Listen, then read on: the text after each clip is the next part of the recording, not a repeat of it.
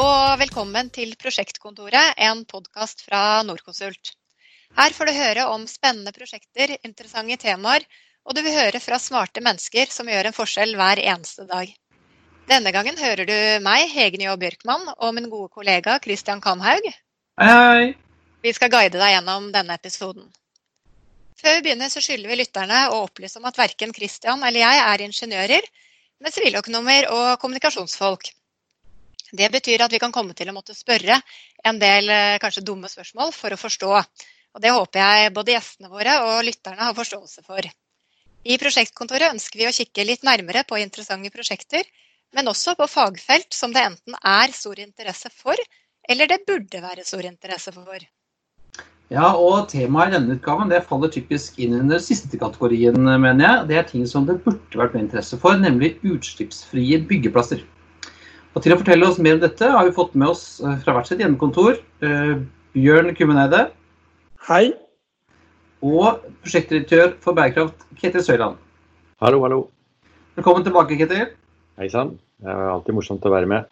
Ja, og, Siden du er nykommer, eh, Bjørn, så kan ikke du bare fortelle litt om deg selv og hva du gjør i Nordkonsult?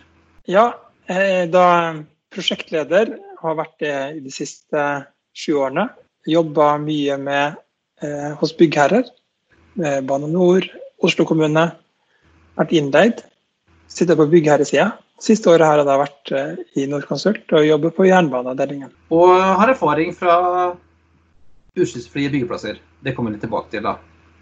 Ja, det stemmer. Jeg har fått lov til å være prosjektleder for en pilot for en utslippsfri å realisere verdens første utslippsfrie byggeplass. Det kommer vi tilbake til. Og for de som ikke har hørt vår eh, episode om Trusfjordbrua, den anbefaler vi selvfølgelig å gå tilbake til å høre på etterpå. Så kort om deg, Ketil.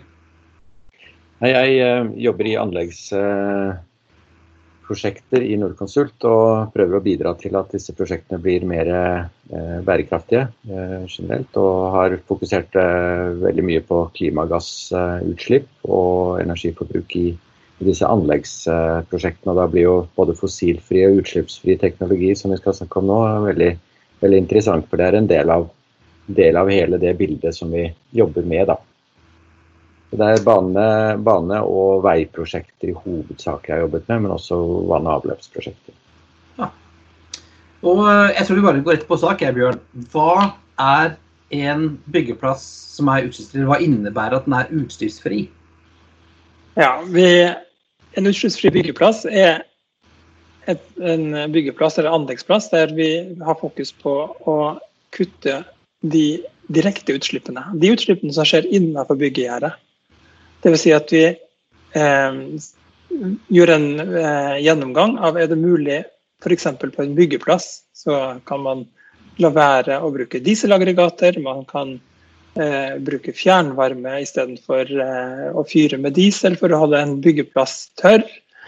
Eller man kan gå enda litt lenger og så kan man si at en eh, maskin som står i ro, den kan kanskje kobles til nettet og ikke gå på diesel osv. Så, videre. så man eh, går over fra å bruke forbrenningsmotor til å bruke elektrisitet og fjernvarme og andre eh, energibærere som ikke medfører lokale utslipp. Så du kan ha elgravemaskin, da? Du kan ha elgravemaskin. Og el-hjullaster eh, og elkomprimator. Og du kan ha ja, elektriske løsninger. Borrigger for tunnelen. Det finnes det også så, så mye bra utstyr i dag at det er mulig å få en helt utslippsfri byggeplass? Eller hva er det eventuelt som skal til for at det skal bli en realitet en gang? Det kommer jo an på hvor stor byggeplassen er. Hvis du virkelig har lyst til å flytte fjell og bygge en stor, tung jernbane, ja, så tenker jeg at eh, vi er ikke kommet dit ennå.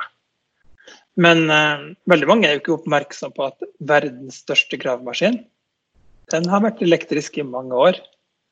Den er mye mye større enn den gravemaskinen som vi vanligvis tenker på. Den står i type åpne dagbrudd gruve, eh, gruver og går på en kjempetjukk kabel.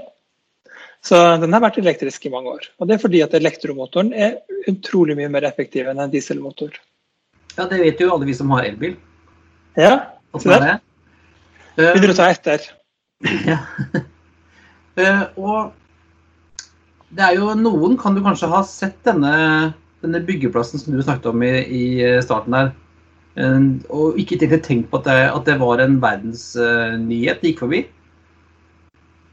Nei, det er jo et sted som veldig mange helt sikkert har, eh, som bor i Oslo-området eller vært på besøk i Oslo, har, eh, kanskje, har gjort det siste året. Har gått gjennom byggeplassen som ligger mellom Hotell Continental og Saga kino, midt i byen.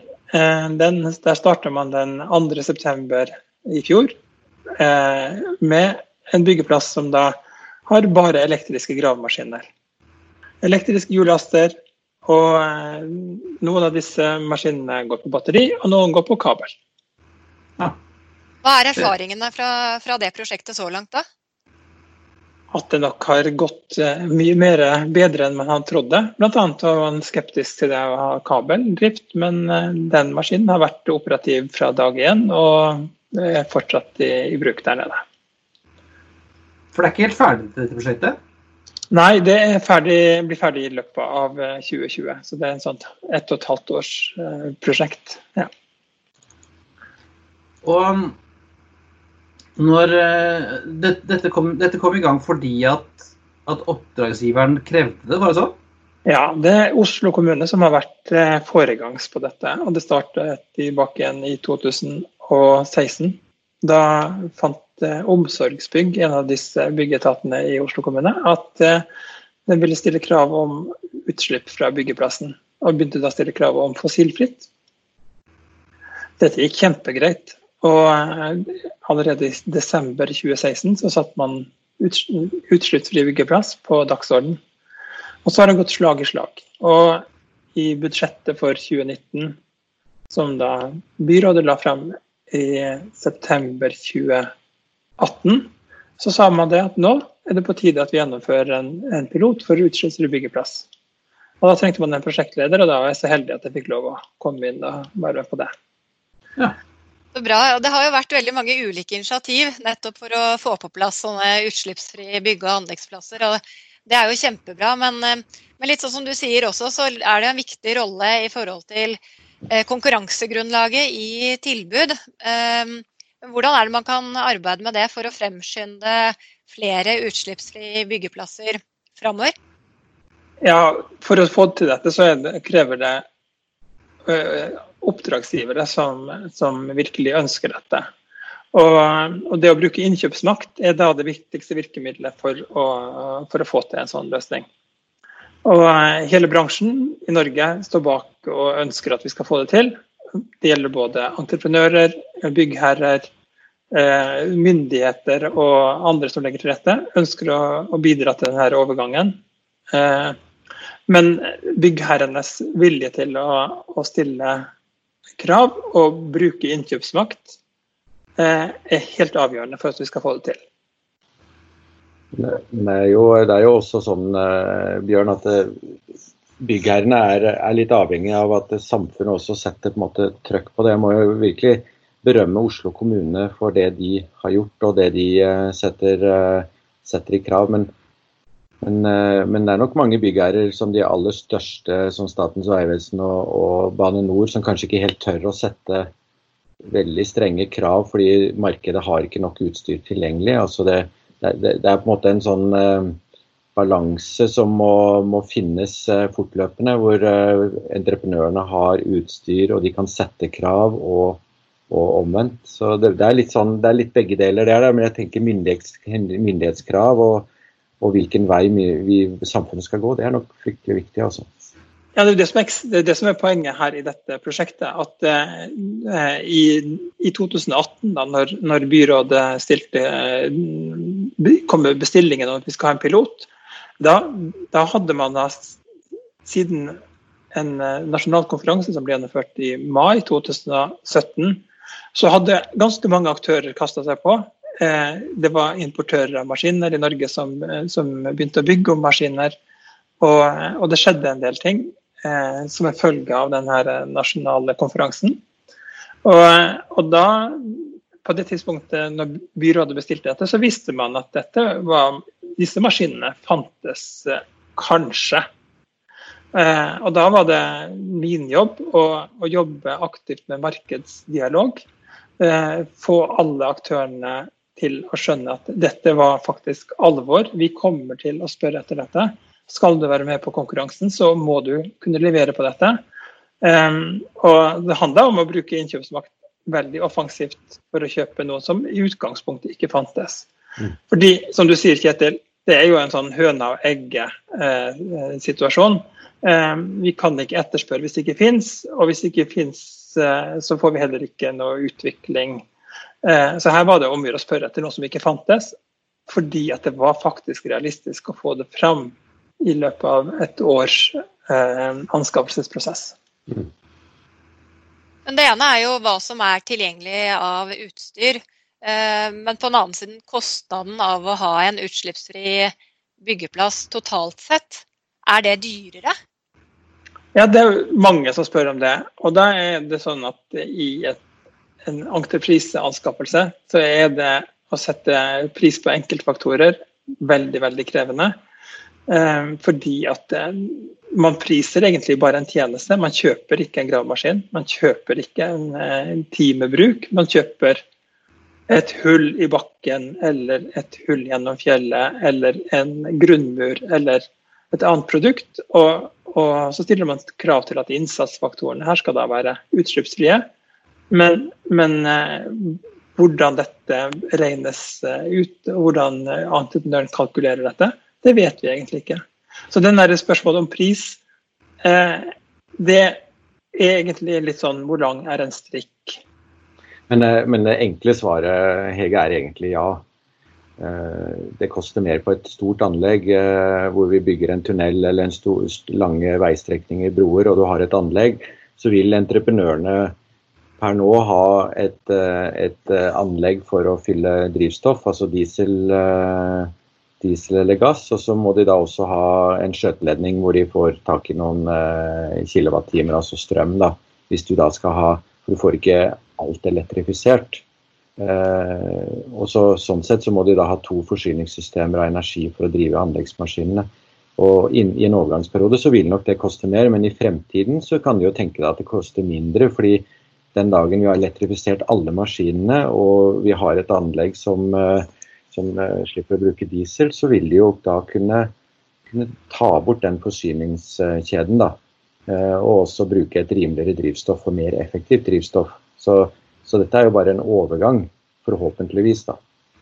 Ja, og hvis vi, hvis vi ser litt, i, litt inn i framtiden, hvor man ser for seg at eh, teknologien den er helt på plass og det kanskje til og med er rimeligere, er det da andre forhold som gjør at utbyggerne eventuelt fortsatt ikke skulle velge utslippsfrie metoder? Ja, hvis, du tenker på store, tunge anlegg som langt fra befolkning og forsyningslinjer ellers, altså, så eh, vil det å kunne føre frem nok strøm kanskje være en begrensning.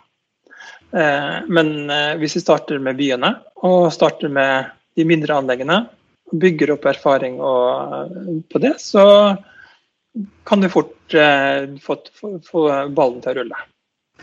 Så Dette hoppa vi litt over i starten her, Kjetil. Vi ble så, ble så ivrige å fortelle om dette. Men, men jeg, jeg hørte om utslippsfrie byggeplasser første gangen, tenkte jeg at det kan jo ikke være så mye utslipp. Sammenlignet med biler og, og fly og alt sånt som pleier å få mye, mye klimakjeft. Så tenkte jeg at utslipp fra byggeplasser skal ikke være så mye, men det er ganske mye. Kjetil? Ja, ja det, er noe, det, er ikke noe, tvil om det. Altså, vi har noen, eh, noen tall fra, fra, eh, Statistisk sentralbyrå, som, eh, som Asplan, en rapport som Asplandiak har laget. og, og, og der, der, kommer det fram at bygg og anlegg sin andel av norske klimagassutslipp er 15,3% så det er, det er, ganske vesentlig. så Hvis vi i Norge sier at vi skal redusere vårt klimagassutslipp innen 2030, så må vi gjøre, gjøre noe med våre utslipp i, i bygg- og anleggsbransjen også. Og så er det hvor mye da er forbruk av, av drivstoff, altså fossile bremsler, i disse anleggsprosjektene. Der jeg er, altså på store samferdselsutbygginger, så er det et sted mellom 15 og 25% av klimagassutslippet er, er forbruk av diesel. Da. Massetransport, graving, oppvarming osv. Så, videre.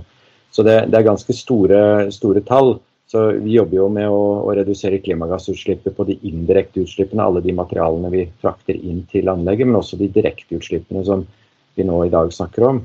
Uh, og en ting Vi ikke har snakket om, det er vi snakker om utslippsfrie byggeplasser, men det, vi har også fått fossilfrie byggeplasser, hvor vi da bytter ut uh, en fossil diesel med en biodiesel, uh, noe vi kaller HVO 100. Og, og da, da, kan du også på en måte få mye av det samme samme, samme effekten. Eh, de direkte utslippene er akkurat det samme, men, men eh, de er lagd av fornybare kilder, så sånn sett så blir verdens utslipp lavere. Også, men da, da, da, snakker vi også om en kostnadsforskjell. På et prosjekt vi har jobbet med nå, så, så vi, snakker vi om kanskje en prosent i forskjell da, for å redusere prosent i kostnadsforskjell. Eh, for å redusere klimagassutslipp med 20 Det er egentlig kunne tenkes å være ganske OK, men, eh, men, det er klart det her er det budsjetter som, eh, som betyr noe. Å øke prosjektkostnaden med 1 det er kanskje ikke alltid OK da, likevel. Det er store, store tall vi snakker om. Men det du overser, Kjetil, er at når du gjør noe med utslippsfritt, så får du fire ting i tillegg. Det er, rene, det er ikke bare et kinderegg, det er altså fem ting på en gang. Det er altså klimagassutslippene som du snakka om. Men så får vi i tillegg ingen utslipp av partikler, PM10. Eh, vi får ingen NOx-utslipp. Vi får mye lavere støy, og vi får et bedre arbeidsmiljø for dem som jobber på maskinene. Ja, ja. Så vi får fem ting på en gang med en utslippsfri. Ja, og, og, og, og, det er der å gå på fossil, eh, fossilfri anleggsdiesel. Det er, det er, litt sånn der som eh, Kan jeg bruke ordet piss i buksa, Kristian? Ja, det, det, eh, det er podkast, så vi får vel lov til det. Men eh, altså, det, det, vil virke, men det som er greia, er at det er en eh, begrenset ressurs. Samfunnet utnytter den ressursen 100% ved bl.a. innblanding i bensin og, og diesel på eller, og innblanding i, på bensinstasjonen og det distribusjonsnettet som finnes. Så Sånn sett så, så trenger vi ikke å bruke den fossilfrie anleggsdieselen i, i bygg- og anleggsbransjen. Vi bør gå rett til utslippsfri teknologi så fort vi kan. Så, det er ikke sånn at fossilfritt er nærmest et steg i riktig retning av å få det eh, langt mer miljøvennlig og utslippsfritt? I forhold til å få det klimanøytralt, så kan det være en løsning. Fordi det, det, det, er jo da kar, karbonnøytralt fossilfritt vi snakker om da. Ja. Så, hvis det er det viktigste målet. Men men eh, med det som eh, eh, vi snakker om med utslippsfritt, så, er det et ledd i det å elektrifisere Norge. Det handler om å, å rett og slett gå over til andre energibærere. Bare et sånt enkelt faktum som at, at ved å gå over fra diesel til elektrisitet, så bruker vi ca. en tredjedel av den primære energien som vi bruker når vi bruker diesel. altså Det er mye mer energieffektivt. Vi bruker mye mindre energi rett og slett innenfor sektoren, den sektoren som kan bli elektrifisert. Så Det i seg selv et argument. Og Dessuten så er det sånn at eh, det, ja, det er vanskelig for de store anleggene for Statkraft og for eh, Statens vegvesen og Nye Veier å få til dette. Men Oslo kommune, som er en stor byggherre, eh, har ikke de samme utfordringene. Innenfor byen så finnes det massevis av eh, elektrisitet. Og det er eh, Anleggsplassene er slett ikke så store. Eh, så ved å erstatte eh, dette på de, de bygge- og anleggsplassene som er i Oslo kommune, så vil vi oppnå masse. Og det er samme gjelder også de, både store, små, små og store kommuner. I tettbebyggelsen så egner dette seg veldig godt og gir altså denne bonusen med ingen, ingen støv og ingen støy, og, eller lite støy, og, og ikke noe eh, NOx-utslipp eh, i tillegg. Så, det, så det, dette er først og fremst en plass der byene og, de, og tettstedene skal gå foran. Eh, det, for anleggene da, så er det en litt annen eh, problemstilling. og og, og, Det som jeg ikke har noe tro på, det er at eh, entreprenørene skal ha en, et sett med maskiner som går på fossilt drivstoff, og så har vi hørt om hydrogen. Det er også en måte å drive fossilfritt. Og så skal du ha da en hydrogenmaskinpark, eh, eh, og så skal du ha en elektrisk maskinpark.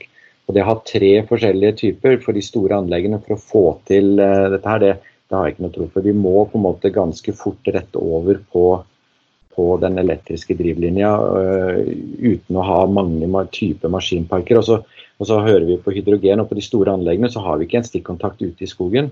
Uh, ofte så er det ikke tilgjengelig energi der. og da da er det enten eh, fossilt eh, brennstoff, eller så er det kanskje hydrogen med brenselceller, og, og man lager sin egen kraft med fornybar kraft. Og så bruker man elektriske gravemaskiner og maskinene ute på anlegget allikevel. Så det er litt sånne ting man eh, Men dette er jo, nå snakker vi egentlig ordentlig storpolitikk her. Disse anleggene de må klare å løse dette her i morgen, de. Det litt spennende. Jo, men likevel så høres det jo fantastisk ut hvis det er sånn at det er i storbyene det egentlig er lettest å komme i gang med dette her, og, og kanskje også lavest kostnad.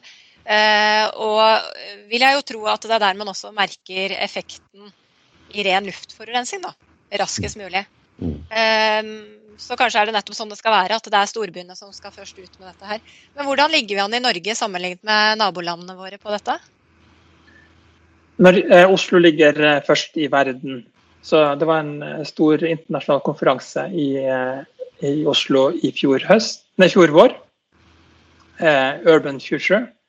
Og eh, der var bl.a. lederen av C40-nettverket til stede og sier at eh, dette, der skal vi se, på, se til Norge, så se til Oslo. Eh, så dette har vakt stor oppsikt, dette prosjektet. Det har vært delegasjoner fra hele verden, fra New York og fra de fleste storbyer i Europa, fra mange land, fra våre naboland fra leverandørindustrien i Japan osv. Så, videre. så det, det, har vært eh, stor interesse, og Oslo ligger først. Ja, for det er jo liksom Når kineserne oppdager dette og begynner å bygge elektriske gravemaskiner og, og hjullastere, så da går det unna? Da går det unna. Og vi var på, på, vært på messer og sett, og, og det kommer stadig nyheter bl.a. fra Kina eh, på elektriske løsninger. Så er, er det jo ikke sånn at de ikke bygger elektriske. For mange av disse gravemaskinene f.eks. de går jo på, med en dieselmotor som lager strøm for å drive pumpene som eh, driver hydraulikkoljen.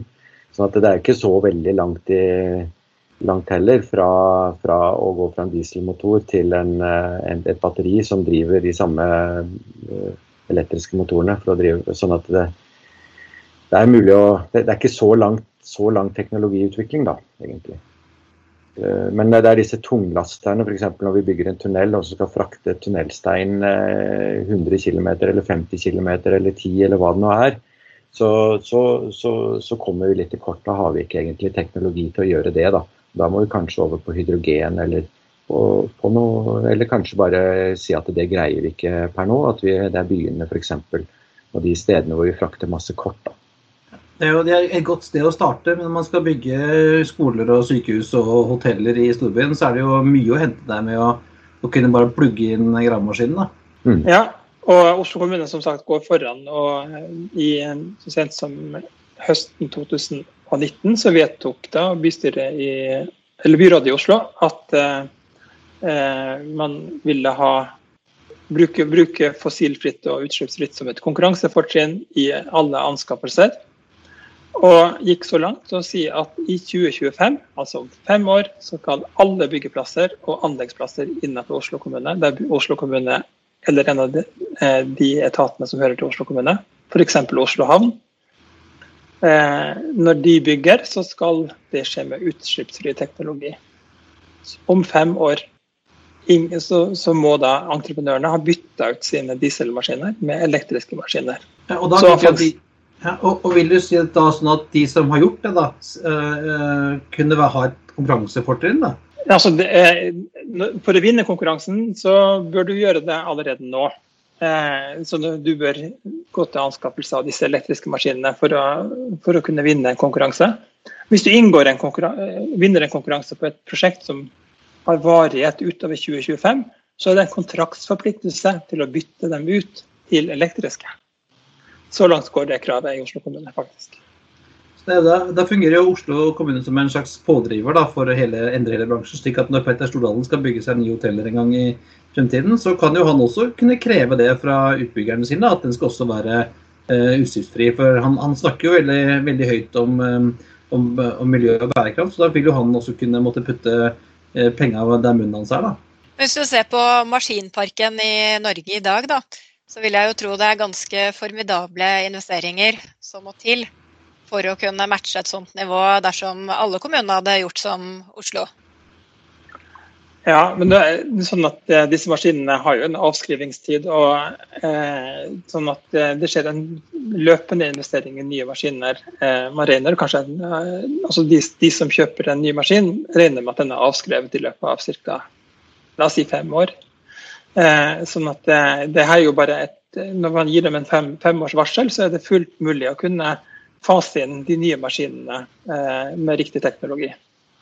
Så ingen unnskyldninger, med andre ord? Ja, det, men det er jo noen, eh, noen unnskyldninger, og så skal jeg strø litt sand i eh, såret her. fordi det, altså Her i stad så sa jeg at et, på et klimagassbudsjett på et anleggsprosjekt så er 20 det er forbruk av diesel eller fossile brennstoffer, og resten da er det 80 igjen. Eh, som da er eh, også klimagassutslipp. Og som ubåtkapteinen sa, vi ser da ikke de grenser under vann. Og det gjør ikke CO2-utslippet heller, de ser dem ikke over land. Så, sånn at, det, at det, De indirekte utslippene er jo det er 80% av utslippene, og det, det er kjempeviktig å, å, endre på. Så Det går litt på kost-nytte og dette her, og vi må på en måte se hvor er det vi får mest for penga, og hvor får vi størst klimagassreduksjon. Det er jeg veldig ute etter i de store anleggsprosjektene. Og så må vi klare å dytte bransjen framover, sånn at vi kommer dit, dit, vi ønsker å få elektrifisert. For det er, det er, viktig, det er, det er en viktig del av det, men eh, det er andre ting som også er viktig. Så vi må liksom passe på den balansen. Det er ikke, ikke helt, eh, helt enkelt. Men vi kan ikke bare ta den største biten av kaka og jobbe bare med den. Altså, vi skal ha ambisjoner om å være klimanøytral i 2030 eller 2050 eller eh, å ha nullutslippssamfunnet bevege oss mot det, så, vi, så, kan vi ikke vente med det, de, de, små kakestykkene. Dette er også et, et, et vesentlig bidrag eh, som, som vi må begynne å gjøre noe med. Og det krever teknologiutvikling, og det krever Eh, offensive byggherrer og entreprenører.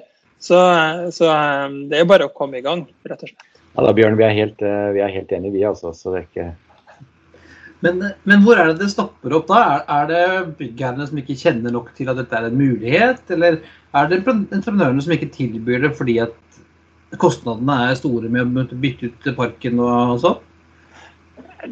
Det butter i at du kan ikke gå på til, en, til, din maskinleverandør og si at du kan få den maskinen med elektrisk motor. Eh, det er ikke så, er ikke, vi er ikke kommet så langt ennå. Sånn at det, det, det, er en del eh, ledd i måte, hele verdikjeden som, som, eh, må legge om og endre seg. Og, og, Norge er et veldig lite marked, så disse maskinene eh, bygges jo for verdensmarkedet. Det bygges i Japan, det bygges i Korea, USA, Sverige. Eh, og for et verdensmarked, og da blir norsk, den norske etterspørselen veldig liten. Eh, så, så, det er nok eh, hovedutfordringen. Altså, jeg sa det jo elbilen òg, vet du. Ja, men, men derfor, elbilen er jo et godt eksempel på at Norge kan gå foran og gjøre en forskjell. Mm. Og så, er jo, så er jo disse maskinene de, Det er ca. et års uh, leveringstid fra de bestiller dem til de får dem uh, på byggeplass. Så, så, det er også sånn at uh, det må være forutsigbarhet. Og så er avskrivningen på disse maskinene omtrent fem år. Eh, for de store entreprenørene. Da, da, må de ha forutsigbarhet på at de får brukt den maskinen som da koster kanskje mer enn dobbelt så mye, eh, men gir et lavere drivstofforbruk. Så hovedinvesteringen up front er høyere. Da. Så da må de ha en forutsigbarhet, ikke sant. Så ja, det, det er sånn eh, evige sånne høna og egg-dilemmaer her.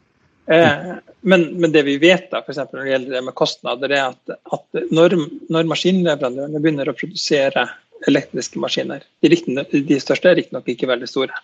Så snakker vi om en merkostnad på 25% men fordi at vedlikeholdskostnadene og energikostnadene er så mye lavere, så er dette regna hjem i løpet av eh, kanskje to år. Så har du, så har du da en, en, lønnsom investering.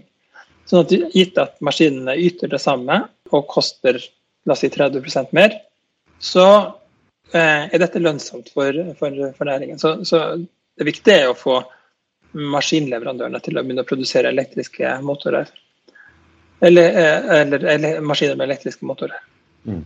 Det er vel også utfordringer knyttet til eh, både batterier og, og, nettopp det at man kanskje lager da flere maskiner enn det man strengt tatt uh, ellers ville gjort. Så det er jo mange, mange aspekter å, å, diskutere som, hvor debatten har gått kraftig rundt elbiler. Men ikke så mye på maskinparken. Men det er vel samme type problemstillinger man egentlig kommer borti også på denne siden, da? Ja, men jeg vil jo, bare, bare for å illustrere det, en sånn en stor gravemaskin eh, som du vil se ute langs veien, den vil bruke et sted mellom 200 og 300 kWt på et åttetimers skift. Og disse maskinene går gjerne mer enn det. Eh, så, og det er jo ganske mye energi. da, altså 200-300 kWt. Ditt, huset ditt bruker kanskje 30 kWt i, i dag, eh, Hege. Så det er, ganske, det er ganske mye energi som, eh, som, går til disse maskinene. og Skal de lades, og så, og så, har du mange gravemaskiner, og da må du ha mye effekt også. Så det, det, er noen, eh, det, er noen, infrastrukturbygging som skal til for å få til dette. her, og Da må man kanskje også ha batterier nok da, på byggeplassen for å la, kunne hurtiglade dem, sånn som vi gjør på bensinstasjoner også. Så er det da en, ganske mye av dette som kan ordnes med en kabel. Så, sånn at det er mye av det som brukes av eh, av eh, maskiner rundt omkring eh, kan fort kobles til nettet med en kabel. og Da har du omgått dette batteriutfordringen. Mm. Men eh, går du på en vanlig byggeplass i Norge i dag, så vil du fort se at det står en dieselaggregat på utsiden og produserer strøm til, til, det. Og den produserer varme med såkalte kokoverk. Så det er, det er mye bruk av fossile, fossile drivstoff som fort kan fjernes. Eh, så det krever litt mer omtanke, litt mer planlegging. Og Oslo kommune prøver jo nå å bygge, har ganske store byggeplasser på, på sammen med Veidekke, som bygger undervisningsbygg, eh, ny Ruseløkka skole. Og prøver å søke etter teknologi for å finne den Altså bruke så mye elektrisk energi som, som mulig, og erstatte det med diesel med, med elektrisitet. Så Eh, det finnes en del offensive entreprenører i Norge og, og noen byggherrer som, som, eh, prøver å pushe dette. Men leverandørindustrien er, er der det svikter foreløpig. Så konklusjonen da er at uh, flere byggherrer bør ta den, uh, den uh, ledestjernen å kreve elektrifisering av, av byggeplassene for at det skal kunne, kunne fungere på lang sikt? Ja, og da er det rett og slett bare å følge i sporet etter Oslo kommune, som har lagt ut sine, sine erfaringer på klimaoslo.no. Og Der ligger det både artikler og nyttige veiledere og eh, konkurransedokumenter, sånn som det brukes i Oslo kommune. Så kan man stikke ned ved Saga kino og kikke på en faktisk utslippsfri eh, byggeplass i, i action? Ja, da kan man se elektriske gravemaskiner. Eh, den største som da som sagt går på en, har kabel. Eh, flytter seg ikke så mye. Eh, en 17 tonns maskin bygd om i Norge. Og så har vi to prototyper av små Hitachi-gravemaskiner bygd om i Tyskland med batteridrift. Som fungerer stort sett for en hel dag. Så kan de stå natten over og lade mens arbeiderne ligger hjemme og sover. Da kan de lade. ja, eh, jeg tror vel si at det er vel eh, oppfordringen da, fra oss egentlig at vi håper at flere ser på muligheten for å lage utslippsfrie byggeplasser fremover og kreve det fra utbyggerne. Åpenbart. Det, det, det, er det som er fremtiden, og det er der vi skal. Og når vi planlegger anleggene nå, så må vi også planlegge for å tilrettelegge for det. Så vi må legge riggplassene der hvor det er strøm. Vi må legge alle forhold til rette, sånn at entreprenørene faktisk kan gjøre det. Og da kommer det til å skje. Kommer kravene, så, så, skjer det. Og da skal vi være klare til å hjelpe til med å prosjektere dette også, hvis noen vil gjøre det, selvfølgelig. Absolutt. Ja, Det var dagens reklame. Jeg tror vi kan si at uh, oppfordringen må være og vi får flere utslippsfrie byggeplasser fremover. Takk for at dere kom, eh, Bjørn og Ketil. Takk for at vi fikk være med. Bare hyggelig. Det var alt for denne gang. Hvis du vil vite mer om Nordkonsult og hva vi driver med, og hvilke spennende prosjekter vi jobber på, så sjekk ut nordkonsult.no. I dag hørte du fra hvert sitt hjemmekontor Bjørn Kubenede, Ketil Søyland, Hege Nye Bjørkmann og meg, Kristian Kammer. Musikken er som alltid ved Thomas Wøni, akustiker i Nordkonsult. Har du spørsmål eller kommentarer til podden eller innspill til fremtidige temaer, sender du oss ganske enkelt en e-post til podcast at nordkonsult.com. Og det er podkast med C. Takk for denne gang, og vi kommer plutselig tilbake.